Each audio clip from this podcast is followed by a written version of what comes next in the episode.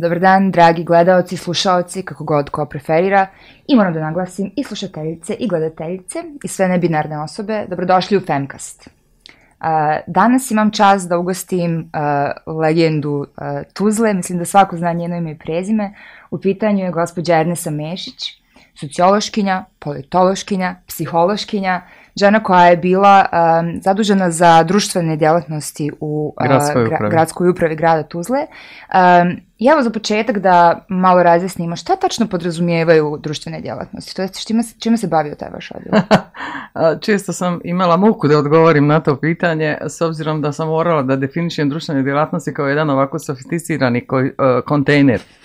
Naime, zašto tako? Zato što po zakonu o lokalnoj samoupravi, ovaj, lokalna uprava, dakle u ovom slučaju kad sam ja radila općina e, Tuzla, je e, imala nadležnosti koje je imala jel, po zakonima, ali, je, ali su potrebe građana bile i kako bremenite i recimo ljudi su željeli da u svojoj lokalnoj zajednici rješavaju probleme kulture, u oblasti kulture, u oblasti obrazovanja, u oblasti zdravstva, u oblasti sporta, u oblasti socijalne I to zaštite. sve podrazumijeva vaš posao. Da, i onda smo se mi nekako, pošto sam ja došla na funkciju 94. godine, dakle sve još bremenitija vremena, definitivno smo bili orijentisani prema potrebama građana i, imali smo dakle takav kodeks ponašanja da, nam je građani najvažniji i da njegove potrebe kako god znamo i umijemo ovaj rješavamo tada je tako baš bilo jer je to već bilo ratno vrijeme i eto utemeljeći takav odnos prema građanima ostala je e, tako nekakva ambicija gradske uprave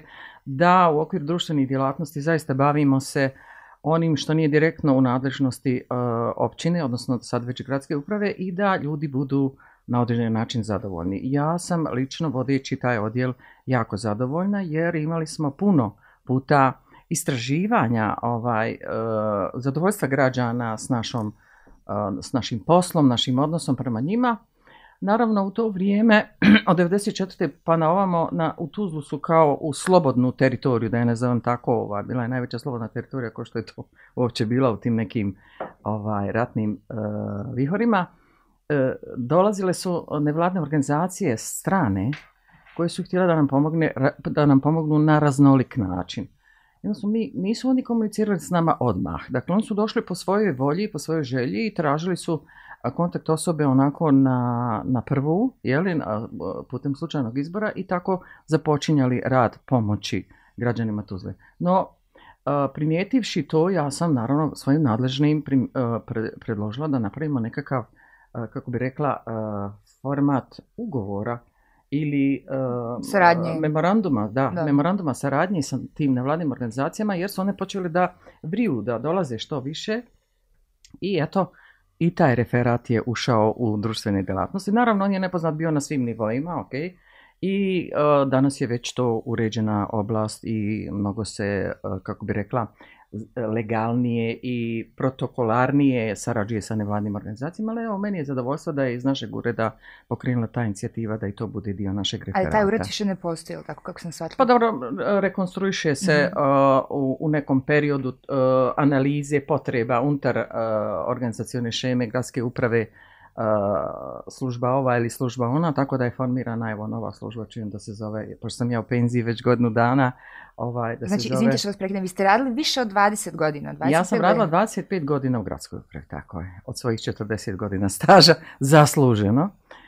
Um, znači nema bolje osobe za, za razgovor o ovim temama. Pa nadam se, nadam se draga moja mlada kolekcija, e, da ću biti korisna za ovaj tvoju emisiju a puno iskustva imam zaista i rado ću ga podijeliti i s tobom, a i sa onim koji budu gledali tvoj podcast. Kako se zove sad taj odjel? E, zove se, ako pogriješim, neka mi oproste, zove se e, služba za e, sport, kulturu i mlade.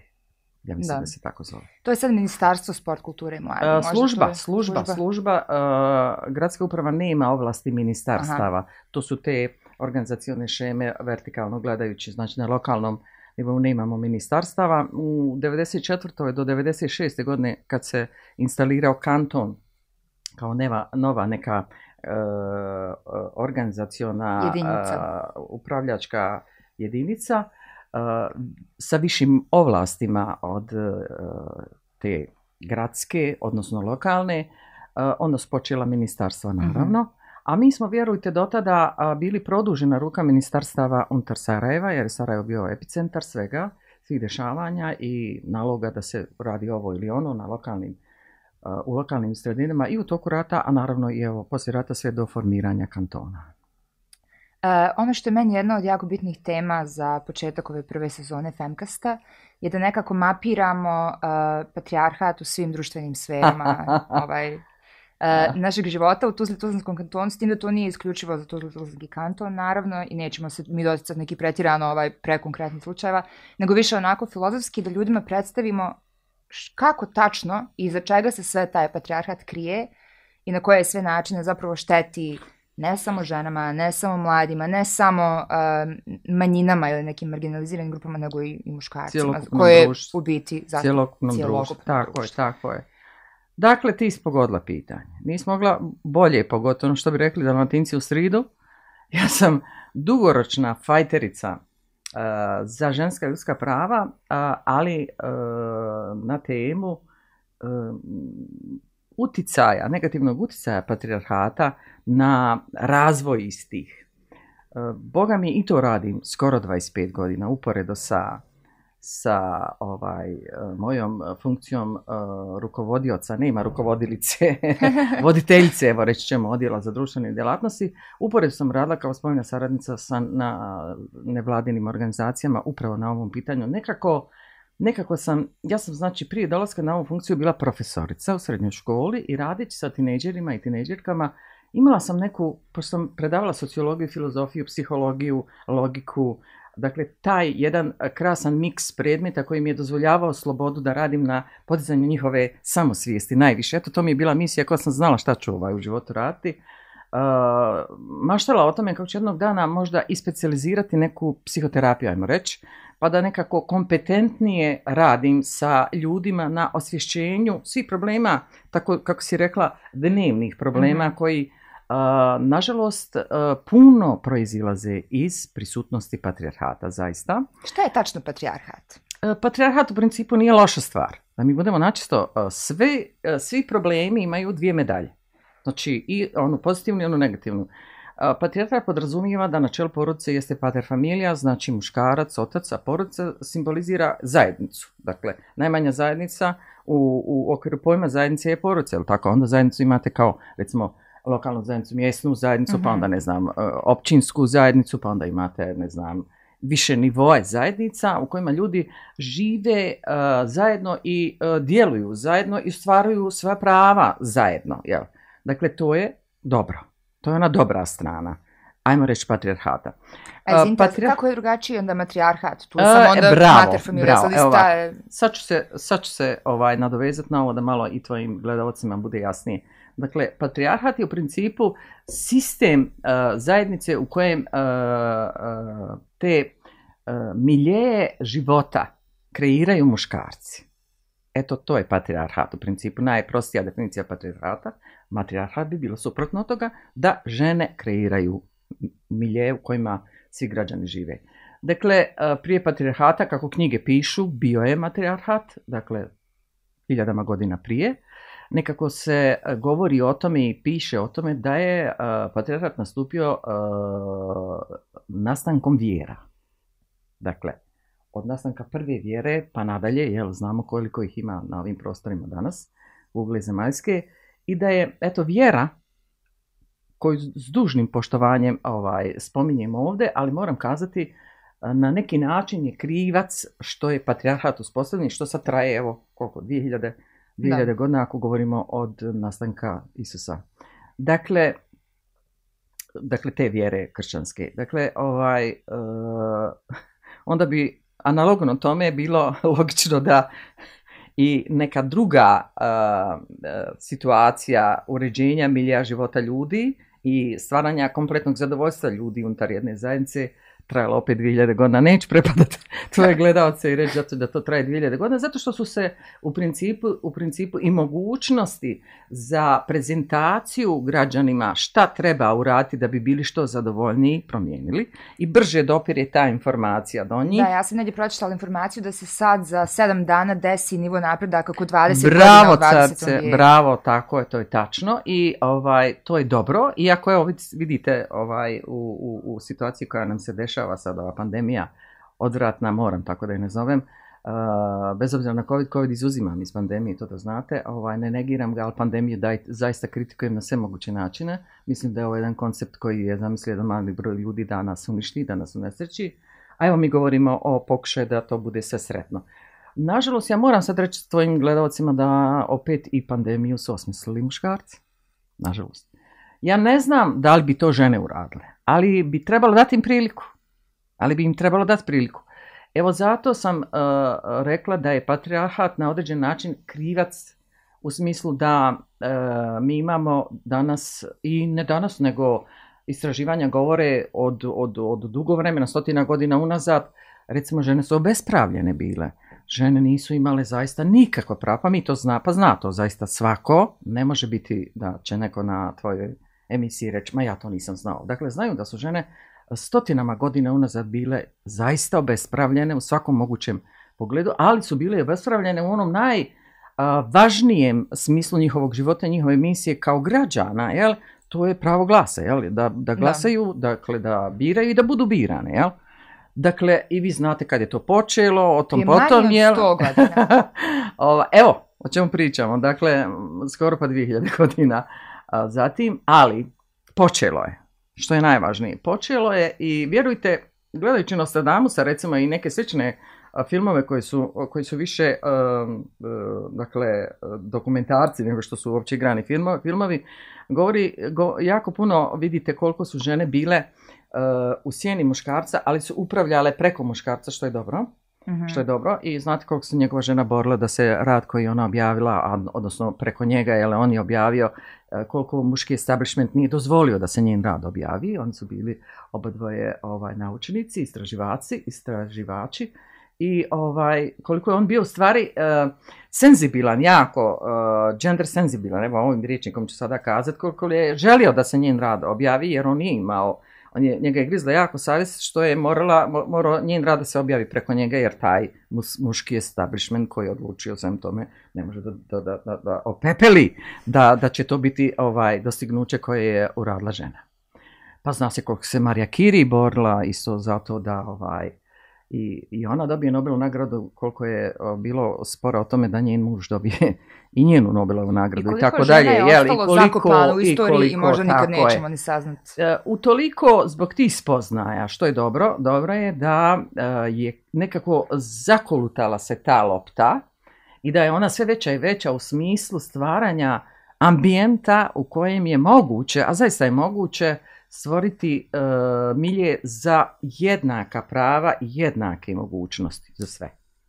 Opet znači, moram da naglasim da. to apsolutno nije lokalni problem, niti čak problem Bosne i naravno. To je jedan globalni da nije fenomen, nego jedna globalna praksa i tradicija i e, jedan od glavnih problema sa kojima se žene susreću je to da za isti posao imaju manju plaću Tako i to je nešto se dešava i u Americi i po Europi. Andrea Sine znači kad su nas učile strankinje, a za nas s obzirom da imamo predrasudu da je recimo jedna Švedska, jedna Finska, jedna Norveška, jer su ti, oni prvi dolaze na ove mhm. prostore da nam pomognu, pa i u ovom pogledu da nas osnaže, da se što je moguće više politički ojačamo, osnažimo, odnosno da, stupimo na javnu scenu i tako dalje.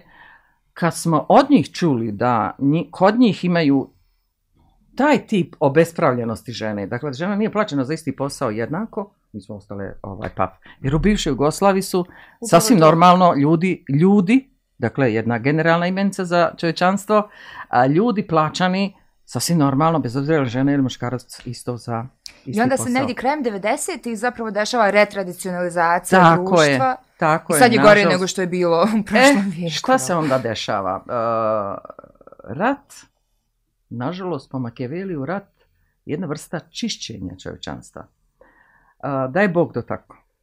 Onda bi sve žrtve koje bi bile u ratu eventualno bile kolateralne, što mi je teško izgovoriti jako, i onda bi mi imali napredak. Međutim, što se dešava? Poslije svakog rata zaista imamo nazadak ne samo zbog toga što, su, što, su, što je urbicid napravljen ili što je tehnocid napravljen, dakle unične su e, fabrike ovo ono da jel, nego što smo mi mentalno ovaj retrograd mm I što u tom slučaju onda kada započne jedna nova era rada i uključivanja ponovno u zajednicu i razmišljanja istog, ponovo se tiho ukrada taj patrijarhat koji povlači ženu unazad.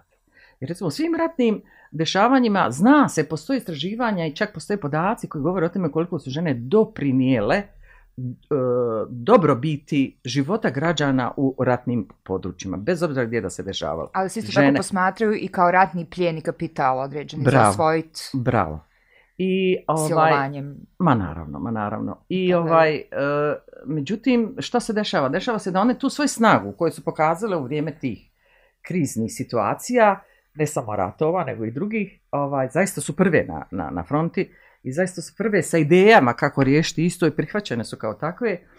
Onda kad se sve to završi, one opet idu retrogradno, opet su one dobre žence, poslušne žence, koje ne smiju ovo ili ne smiju ono jer im ne dozvoljava ovaj ili onaj, što je strašno.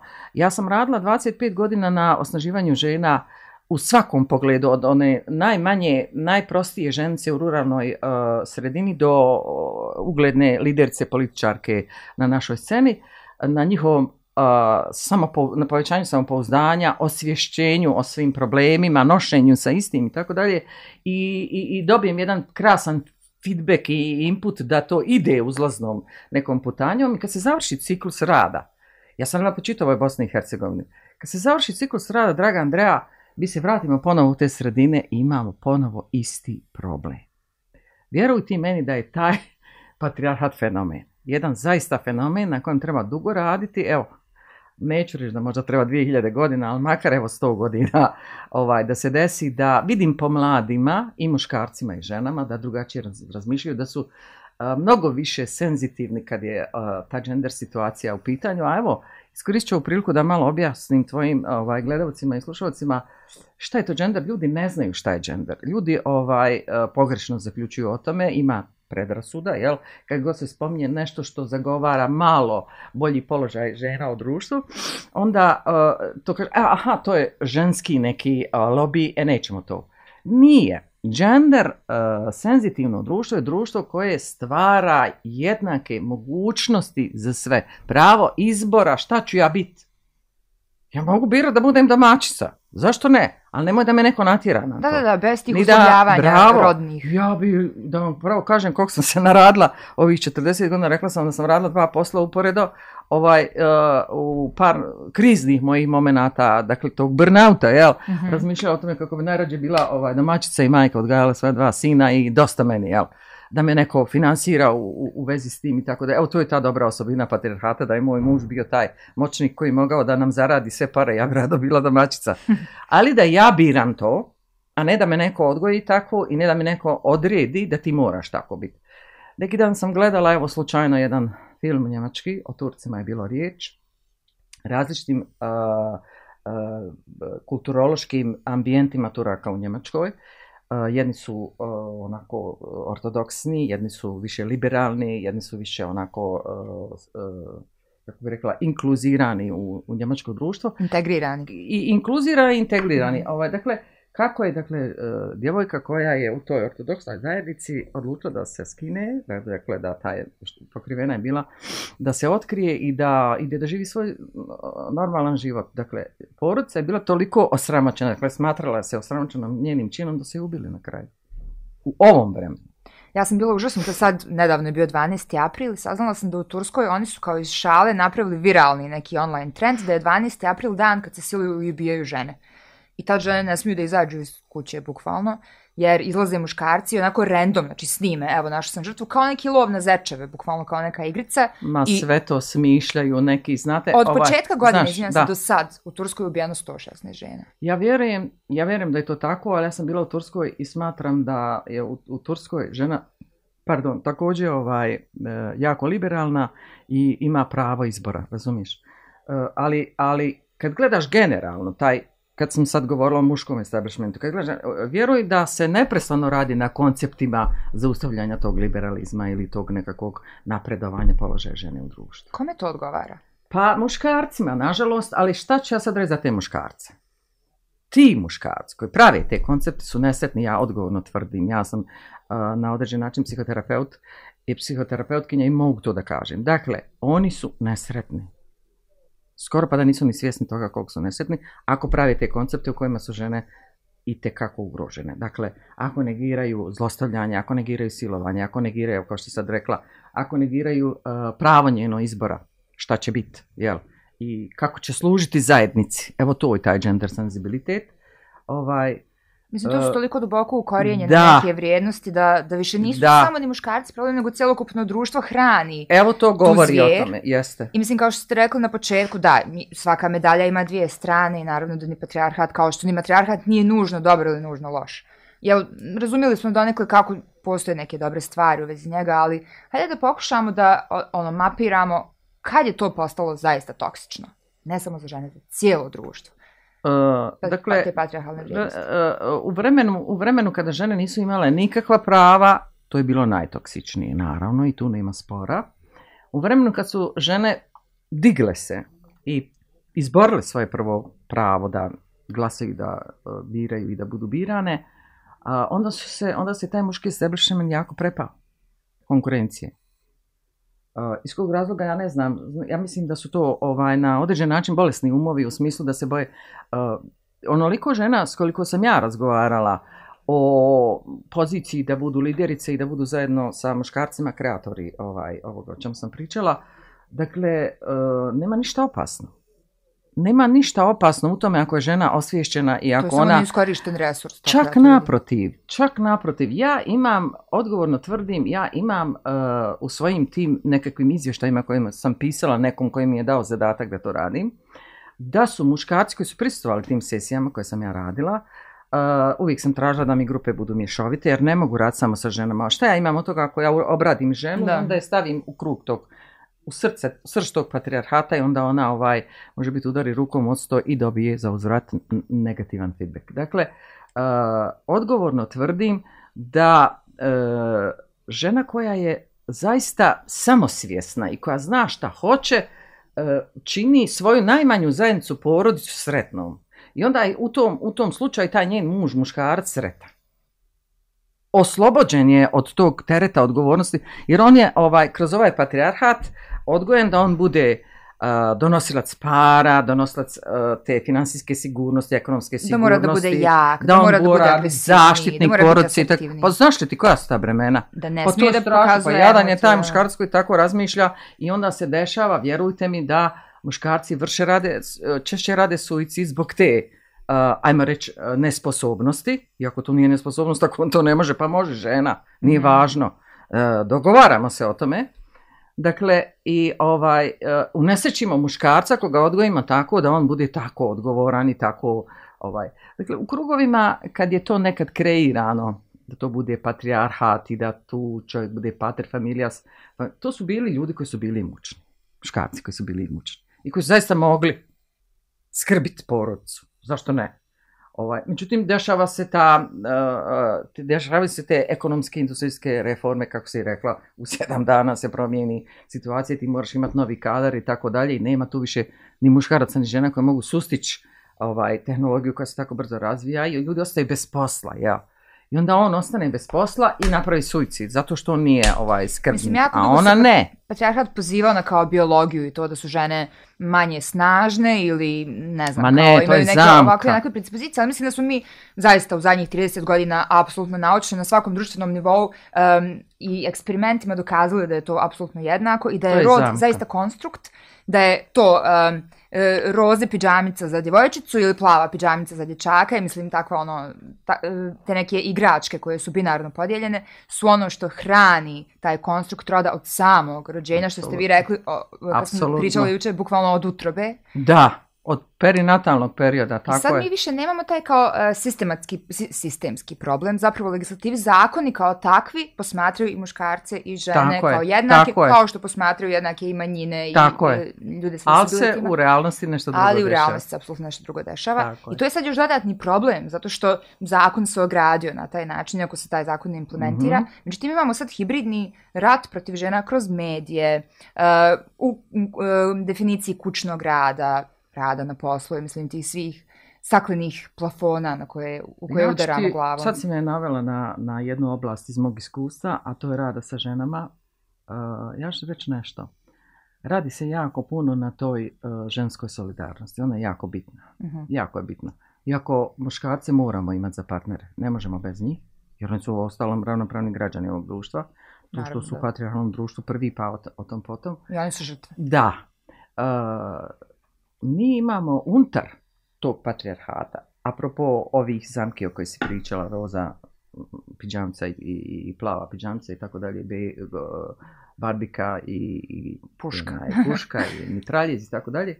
Dakle, još gore ćela, beba i i, s Dakle, mi imamo uh, problem ženske solidarnosti, jako prisutan moje iskustvo također govori jako puno da žene ženama ne daju podršku. To je taj odgoj. Patriarhat kao jedna realna situacija, realno poređenje, 90% kugle zemaljske ima i matriarhata, to da znaš, uh ovaj, ali to su neke plemenske zajednice, kako sam ja istraživala još uvijek, Izraeli... zadržavaju tamo negdje dole u Indiji. A nije ni Izrael čak. Izrael je patriarhat. samo što mi znamo po, po čuvenju i po tradiciji da je žena ta koja, kao što sam pričala u Nostradamsu, u sjeni e, muškarca i upravlja muškarca. E, ja znam da je u e, ovaj, jevrijskoj vjeri kao matrilinearno. Bravo, vjera. A po zakonu, zakon kroji muškarca. Da, da.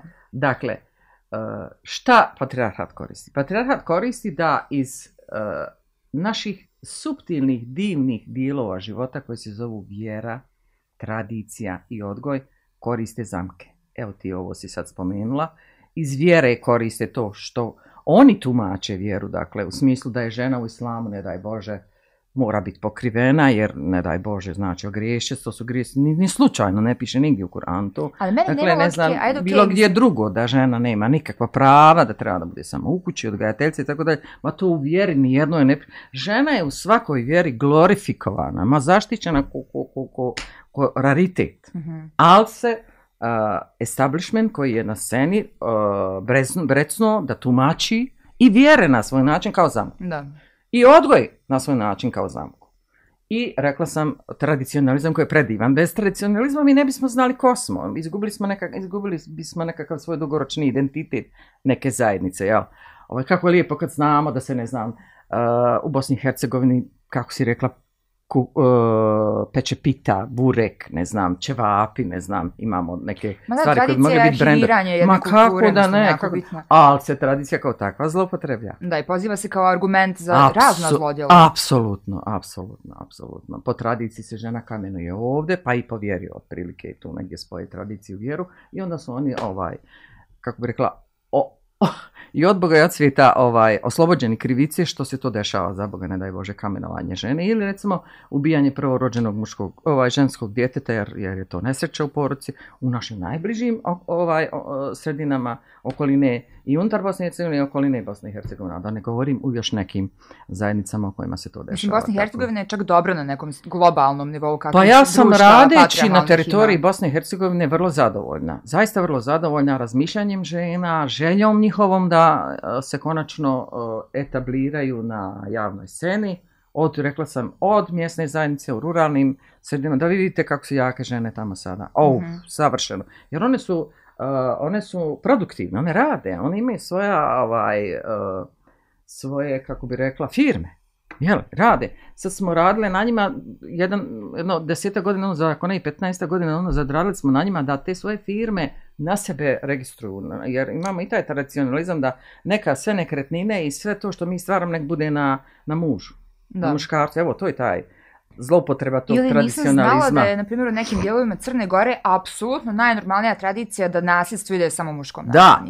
Po defaultu. Da. Ja sam bila da. šokirana. Neka, nema ovdje ona će se udat i ući će u, u obligaciju, a mhm. on mora imat da bi nekom drugom obezbijedio isto.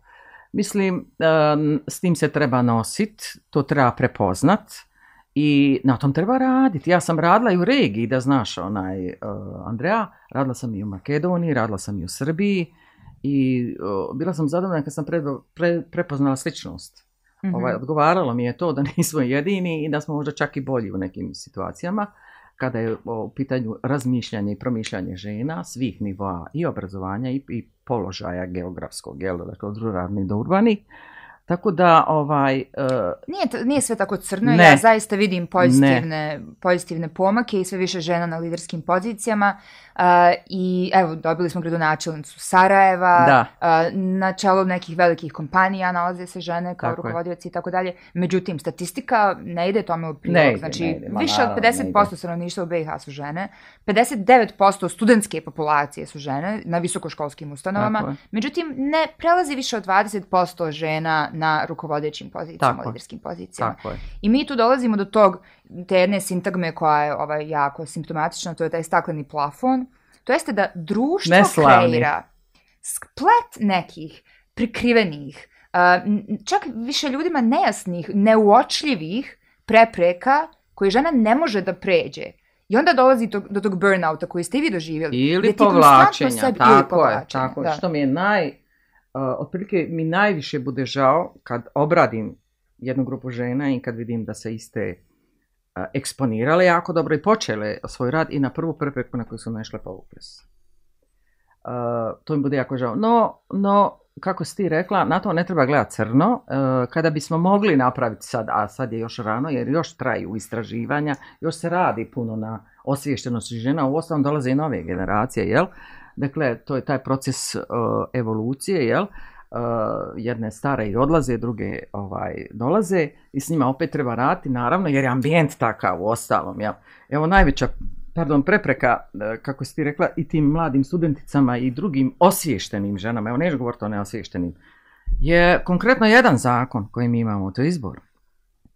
To je naj, to je najdiskriminatorniji zakon na, na prostorima Bosne i Hercegovine ikad donešen pored po, Ma ustav nešto da, da, da razmišljam. ja mislim da mi ni nemamo ustava. Šta je Dejton? Ma pa je. je jedan dokument koji ima sporazum dijelić nečeg što se zove ustav. Ma daj mi ustav pa da vidiš o čemu ćemo pričati. Dakle, ovaj, ali, ali, ali za, e, izborni zakon, ma nema veće diskriminacije od izbornog zakona. U kom smislu? Ma u svakom smislu, u, u, u, smislu e, e, načina izbora u smislu e, zagovaranja e, po svim članovima da žene budu afirmisane. U smislu da kažnjavaju stranke ako ne, ne poštuju pravila. Ovaj. Zašto ne imaju pravo? Ima ima, jedna, ima jedan e, e, establishment koji kontroliše provedbu izbornog zakona. Nisam čula još da se iko kaznio. Generalno politika stranke, ali i ovaj, mislim neke ove e, uprave koje kakve na koje kakvim nivoima su najdeskriptivniji primjer zapravo patrijarhata, zato što u privatnom sektoru, u civilnom sektoru žena, direktorica ima možda čak i u većini. Da. Međutim, sve što je vezano za državu, za vlast, tu su isključivo muškarci. Mi nismo prešli na godišnjem nivou na jednim izborima više, mislim, od pet žena kao načelnice svojih ovaj, lokalnih uprava. Sad trenutnih možda imamo dvije. Ja sam kratko bila u izbornoj kampanji, stvari u dva navrata. Prvi navrat je bio 94. kad sam kao pripadnica liberalne stranke došla na poziciju funkcije šefce društvenih djelatnosti, a onda sam ovaj, e, nakon pauze jedne razočarenja tog odlučila se dale mi nevladne organizacije priliku da radim na podizanju svijesti žena, što mi je bilo lakše i ljepše i mhm. više sam vidjela rezultate nego da sam sama kao Don Kikot. Dakle, eh, onda sam nakon eh, duže pauze 2010. godine se angažovala u ime Narodne stranke radom za boljitak eh, za parlament federacije, zaista vidjevši sebe ovaj, kao osobu koja bi mogla dobro raditi na makar malom pomaku položaja žena u društvu. Što se dešava? dešava se da sam ja doživjela takav jedan poraz. Sreće pa me ništa nije unazadio. Uh, izborni, da sam ja recimo u gradu Tuzli dobila ovako 600 glasova. To nije tačno. To pod breda nije tačno, ali o tom potom. Dakle, e, i tad sam se uvjerila da su mašinerije tog patrijarhada, moram ga tako nazvat, vrlo spremne da zaustave tu nekakvu revolucionarnu ovaj e, prohodnost žena na na svim pozicijama i da zadrže ovako kakva jeste. Ja, ja, ja, ja sam ubijeđena da to ne odgovara nikom, ali se to zagovara. Ali se to neprestano zagovara, to je bolesno. Da. To je bolesno. Jer ovaj... I nove e, generacije ne vide logiku u tome. Da. Ja. Pa da, kako da ne. Zato sam i napravila ovaj podcast da razumijem ja sama kako opstaje taj patrijašan. Što da ne, hvala ti na tom podcastu. bogam ti kažem, ovaj, e, ljudi koji mene sada slušaju, oni znaju da sam ja velika zagovornica e, i velika feministica, ali naravno ne za nekakvo žensko društvo, nego za, društvo e, zadovoljnih građana. Da. Razumiješ? A pošto su žene obespravljene, moram se boriti za one koji su obespravljene. Da su obespravljeni muškarci, ja bi se borila za njih. Mislim, bitno je da nekako spomenemo da patrijarhat ili matrijarhat ili generalno ovo o čemu sad pričamo. Nije žene protiv muškaraca. Ne, ne, ne, ne, ne, ne, ne taj neki vladajući uh, sistem dominacije i odnosa moći koji je u potpunom disbalansu i koji šteti, je. to jeste crpi energiju i eksploatiše i druge obespravljene grupe kao što su uh, ljudi nacionalne sa manjine, posebne potrebe, manjine. tako je. Djeca, mladi. djeca, ta, mladi pogotovo. Vidi, evo šta ti je kod mladi. Potpuno nezainteresovan za politički milje za Ogadilo Pa svi poziva, evo konačno i ovi kobajak politički lideri pozivaju mlade, izađite, glasajte. Naravno da oni žele da ne izađu, ali o tom potom. Dakle, a da ne govorim uključite se, budite aktivni, nastojte da prođete u najniže nivoje vlasti pa do, do najviši i tako dalje. Ja bi u principu više zagovarao da budu mladi nego žene a priori. Jer ja sam, ja sam strašna, ja sam zaljubljena u sve mlade ljude ovog svijeta. Znači, ja, ja znam da je to još uvijek čist um, čiste predrasude, dok se još nisu uprljale, nek uđu unutra, nek pokušaju sa tom svojom agresivnom ambicioznošću čistom mhm. da promijene nešto. međutim, oni su isto sada ovaj, definitivno ubijeni u pojam i ne, ne, ja sam imala problem sa mojom djecom da glasujem. Svi zašto da glasaju kad sam ja bila na I to je sve. Znači... Ja sam isto sad na zadnjem znači, u životu. Ja molim njih, pa molim, vas, pa znate li vi šta znači vas više procenata mladih u odnosu na procenat izlaznosti nema nego žena. Iako su naravno te dvije grupacije koje ne izlaze, odnosno ne glasaju, to su mladi žene. I onda mi dobivamo ovo, ovo ponavljanje svega, ponavljanje svega, od najvišeg do najnižeg nivoa i šta ćeš, mislim. Ali evo nekako moram da evo sad ove timeline uporedim. Da. Ok, kao dok je bio socijalistički režim u, u Bosni i Hercegovini i Jugoslaviji, nekako su žene imale poprilično ravnopravan status, iako opet su bile češće u sektorima brige, njege i neke asistencije e, muškarcima na rukovodećim pozicijama, ali opet recimo da su polako počele da u nauku i u taj društveni život, u kulturu i tako dalje. Socijalizam je imao Međutim... jednu svoju stranu, onaj, e, vrlo perfidnu zagovaranja pa, mhm. A to je da stvara e, e, jednu e, zemlju socijalnog zadovoljstva. To ti je Švedska, to ti je Norveška, u kojoj opet ženu stavljaš u, kako si rekla, u nekakav niži položaj, razumiješ me? Ali kad ti imaš, recimo, sistem koji štiti i ženu, i dijete, i, to je zemlja socijalnog blagostanja, mhm. razumiješ me? Dakle, svi sistemi su usmjereni na to da zaštite građanina, to je ta zamka. Ali ko kroji to? Ko kroji te sisteme? škarci U, u upravljačkoj strukturi bivše Jugoslavije je bilo žena, ali ni slučajno po potrebi. Da. Ni slučajno po. Bilo ih je istina više nego danas. Vjerujte da to ovaj e, podaci govore. Ali ovaj e, nekako se e, dosjetio neko. Bila je tu vjerovatno neka, neki tim ljudi vrlo pametnih, jel, koji je pravio te koncepte u kojima se ne bi žena nešto bunila, ni, ništa. Jel? Mislim, patrijarhat će se prilagoditi svakom sistemu kao što se prilagođava već tako je, godina. Tako je, tako je, tako I isto tako se fantastično prilagodio, mislim fantastično u nekom ironičnom smislu, ja. prilagodio je kapitalizmu gdje sad su žene dobile naravno pravo i da rade i da glasaju i tako dalje, kao sve da imaju to prirodno ravnopravno. Da, da. Znači, tim sad eksploatacija žene dolazi do nekog drugog levela, gdje žena je seksualizirana, mm gdje se posmatra kao uh, hodajuća utroba, gdje imamo sad taj moment gdje um, prosto više ne možemo ni da pinpointujemo, da uperimo prst u problem koliko se patrijarhat dobro prilagodio ovom A, pa društvu. Pa to odgovara patrijarhat, razumiješ? Kako, kako uspjeva? Uh, eh, vidi, vidiš ovu pandemiju. Ona bi prestala kada bi kada sve ove demonstracije koje vidimo u svijetu se ne dešavaju incidentno. Nego kad se digne sine populacija, pa da vidiš kako je pala pandemija u istom momentu, kako je nastala. Tako isto i taj patriarhat. Znači, e, definitivno, e, samo ne smijemo odustati. Draga Andreja, mi ne smijemo odustati. Svi mi koji smo radili, koji radim, ja još uvijek radim, sad doduše radim na zagovaranju mentalnog zdravlja, što je jako dobro opet i za žene, jel? jer one su u svakom slučaju u, u, u, u pogledu mentalnog zdravlja ugrožene, jer sve ovo otprilike se odražava na njihovo mentalno zdravlje. Dakle, e, Voljela bi da, da o tome isto dublje popričam, izvinite što vas prekidam. Ovaj, e, ja mislim i to nekako ponavljam sve vrijeme, trubim da je po meni najveći problem u Bosni i Hercegovini mentalno zdravlje, to je njegovo zapuštanje. Ne samo žena, nego generalno jedne e, interkolektivne traume i od rata, ali i ovog nekog hibridnog ovaj, rata u kojem živimo, gdje imamo jako puno ljudi sa ptsd em imamo jako puno ljudi koji imaju hronične bolesti, koji nemaju apsolutno nikakvu mentalnu podršku, a da ne pričamo o seksualnom zlostavljanju koje je tek sad kao da priznajemo um, da, postoji, iako ja. mislim da ne postoji žena koja nije imala neki vid seksualnog yes. zlostavljanja. Um, I sve te stvari o kojima ne pričamo, koje prerastaju u sram, u neku okamenjenu, internaliziranu traumu, koja kasnije postaje uh, opet isto pre, prerasta u neko nasilje, jer nasilje stvara nasilje. Ona pre, prerasta. Ja sad kao psihološkinja da malo ovaj, potabirite sa mnom kako taj odrastanje u tom okorelom patriarhatu utiče na, na mentalno zdravlje ljudi i društvo. Vidi tu bi nam trebalo jedno tri sata elaboracije. Dobro, malo ćemo se skoncentrati. Dakle, e, kad govorimo o mentalnom zdravlju, unutar mentalnog zdravlja o jednoj vrsti nasilja, e,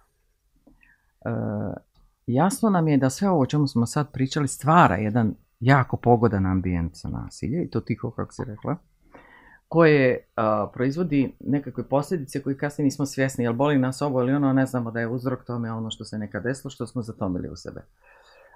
odgoj je tu sada pozvan na scenu. I u, unutar porodice, i unutar škole, ali boga mi i unutar ulice. To je socijalizam obezbeđivao, ono o čemu smo pričali. Dakle, najvažnija tri faktora za formiranje, za socijalizaciju svijesti mladog bića koje je rođeno, ajmo reći tabula raza, neki filozofi kažu da je tako, neki kažu da ima i, da donosi sa sobom iz perinatalnog perioda sjećanja i emocije i traume i sve to o tom potom. Dakle, nismo stručnjaci tog tipa, samo ćemo spomenuti. Dakle, recimo da se djeca rađaju tabula raza i da ih sada odgojno formiramo, socijaliziramo, da je to sve bilo biološki, sad je ovo sociološki proces. Tri ove sredine utiču na socijalizaciju. Dakle, porodica, škola koja od uvijek postoji, i ta ulica, jel, kako god ona bila, javni prostor. javni prostor u društvu nekom angažovano ovdje ili onda angažovano ovdje ili onda, tako da. Dakle, e, jedan od najopasnijih e, zagovarača ovih muško-ženskih podjela, tih gender negativnih situacija, jeste ta vršnjačka, kako vršnjački utjecaj. Uh, Mislim ono kao kad dječak tuče djevojčica, Bravo! ti se njemu sviđaš. Bravo! I sad dođe djevojčica kući uplakana sva, istu koji je drug, prebio je pravo, ima i modrce, plače, svi upćani ovaj, uh, slave. Slave taj događaj, kaže pa on te voli, on se zaljubio u tebe. I onda naravno dobiva prvu informaciju da je nasilje ljubav. Da to može djelovati drastično sad tvojim ovaj, slušalcima, ali neka se prisjete samo nekog u svojoj najbližoj sredini, ličnoj ili okolini u kojoj žive, takvog slučaja pa će se pa Mislim, pa će nasilje nije samo fizičko, imamo i verbalno i ljubomora, zna da Naravno, pa teže je psihičko. I drama. Vjeruj mi da je psihičko nasilje mnogo teže, ono je teže i otkriti. Da. Ono je, na njega je teže i reagovati jer ga kasno otkriješ, onda kad već si mentalno načeta, ili načet, onda, onda je već kasno, razumiješ? A na fizičko možeš odreagovati odbrano. Razumiješ me? Ne kažem da uopće jedno nasilje ima manje ili više utjecaja na, na, na naše biće, ali evo, na fizičko zaista možemo odgovoriti fizički, na psihički, boga mi poteško, jer se ono dešava tiho. Meni se čini da Uh, mislim, ne bi voljela da ljudi shvate kao da eh, su žene isključivo žrtve, muškarci isključivo ne, ne, ovaj, ne, ima i muškaraca jako puno žrtava, jako puno. I meni se čini da, da nasilni muškarci često dolaze iz tog nekog nasilnog odgoja. Ovaj, kao i žene. Da. Kao i žene, vjerujem. I da je to negdje eh, jedan, jedno mentalno zlostavljanje nad, ako ćemo stereotipizirati muškarce kao ajde jednu grupu, ja. ovaj, ima ih raznih, ali nije bitno, stvarno mislim da je ova, ove generacije sad odraslih muškaraca koji su očevi, to su možda prve generacije koje nisu odrasle u tom teškom odgoju zlostavljanjem. Znači, batinama, kad je to ovaj, ponižavanje i, i budi više, budi jače bilo u principu, poželjno. U principu ne mora biti, ali jeste. I to i struka govori. Ali se to da obrat. Kada država, to je bilo Jugoslavija, spominjemo Jugoslaviju. Kada se država pobrine da konceptualno zaštiti ili spriječi ili umanji što je moguće više uticaj zlostavljača na proizvodnju novog zlostavljača, na produkt novog zlostavljača, jer to nije genetika.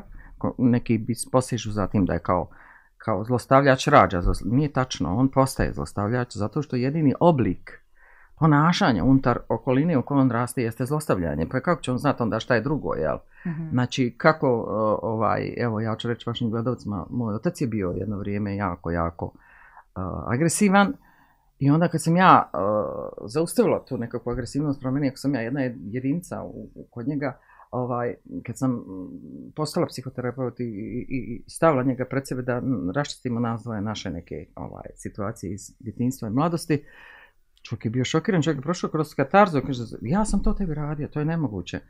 Dakle, e, radi se o tome da e, se to može da, da se to može spriječiti koncept nekim, e, nekom strategijom države da se radi na tome. Ja mislim da sam se ja uvjerila jednom prisustujući na 40-godišnjici jedne nevladne organizacije u Njemačkoj, Sirfe se zove, dakle prekrasna jedna organizacija koja ima dakle 40 godina tradiciju, Paralelna, je sistemu, paralelna je sistemu ovaj, državnom e, Njemačke, jaka, jako, jaka. I kad sam ja njih pitala, odveli su me da vidim e, e, najugroženije osobe i mentalno i fizički, kako žive i kako su obezbijedili fantastične uslove za njihov život, onda sam ja posegla za, pitanjem, vodeći se time da se kod nas to dešava, pogotovo poslije rata, kako se, šta se dešava sa imovinom ovaj, e, tih ljudi koji su e, i mentalno i fizički onesposobljeni, da li ima zloupotrebe, da li ima seksualno zlo, e, seksualnog zlostavljanja nad osobama koje su ovaj, mentalno onesposobljeni i tako dalje, čovjek nije razumio pitanje. I onda me prevodica kaže, on ne razumije pitanje, pa da nekako mu pre, preformuliši, da, hoću odgovor, insistiram, moram znati, hoću da nešto makar od iskustva prenesem. Može čovjek da mi odgovori. Naime, došli smo na kraj dugog razjašnjavanja kako postaviti pitanje da dobijem odgovor. On je rekao, pa toga ovdje nema. Da, jer je država svojim konceptom iskorijenila svaku mogućnost zlostavljanja o čemu mi sada pričamo.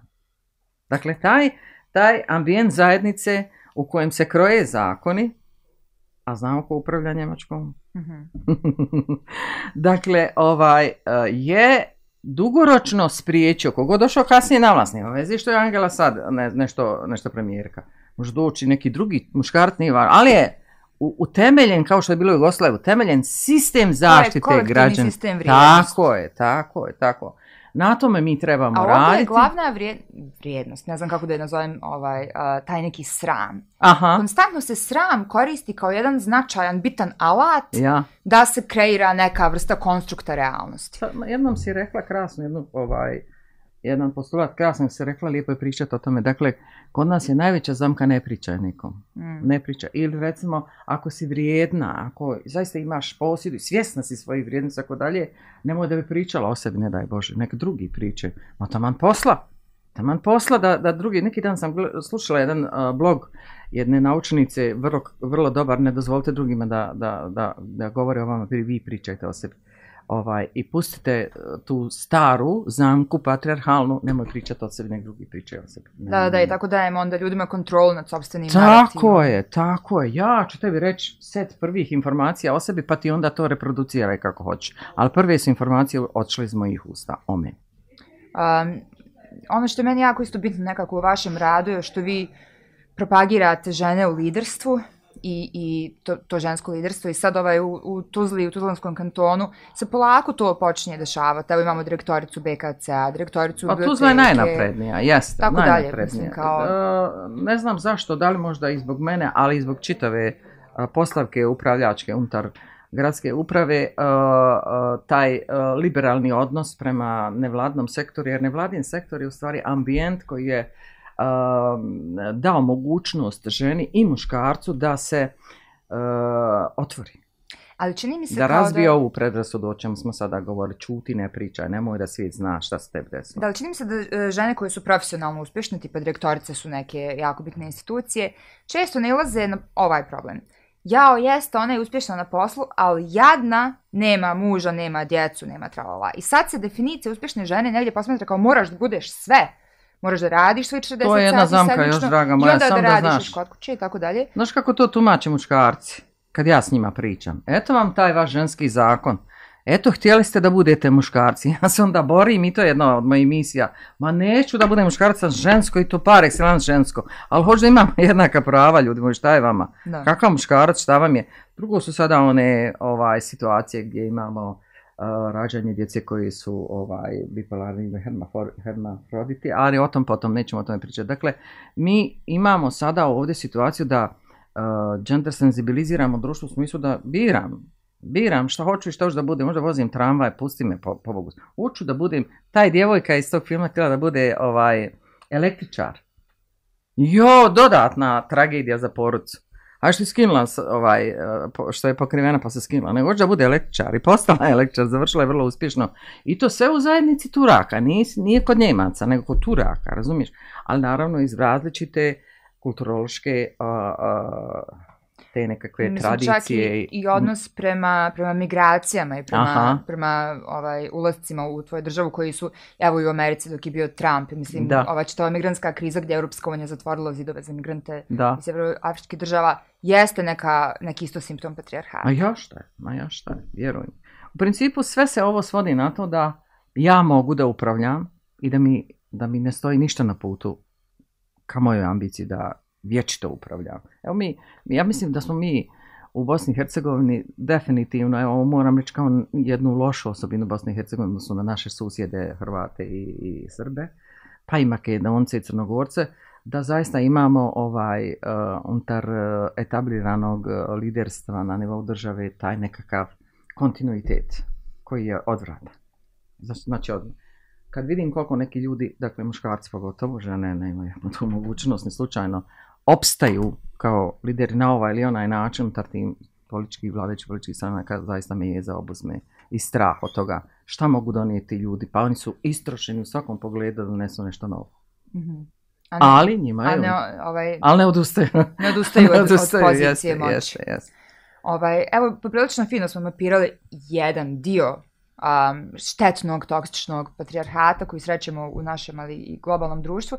I sad bi nekako postavila ovaj zadnje pitanje i mislim da spontano sam počela da to postavljam pitanje, ali mislim da će mi to biti praksa, to je malo da spekuliramo budućnost, to jeste ustanovili smo da BH društvu treba um, izlječenja.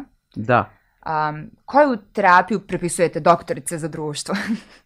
ja, ja, vidi, ti si pogodila kad sam ja prisvala nekom, nekom e, e, ekspozeu nekih e, velikih naučnika u vezi sa komunikacijom ali na svjetskom nivou, razumiješ?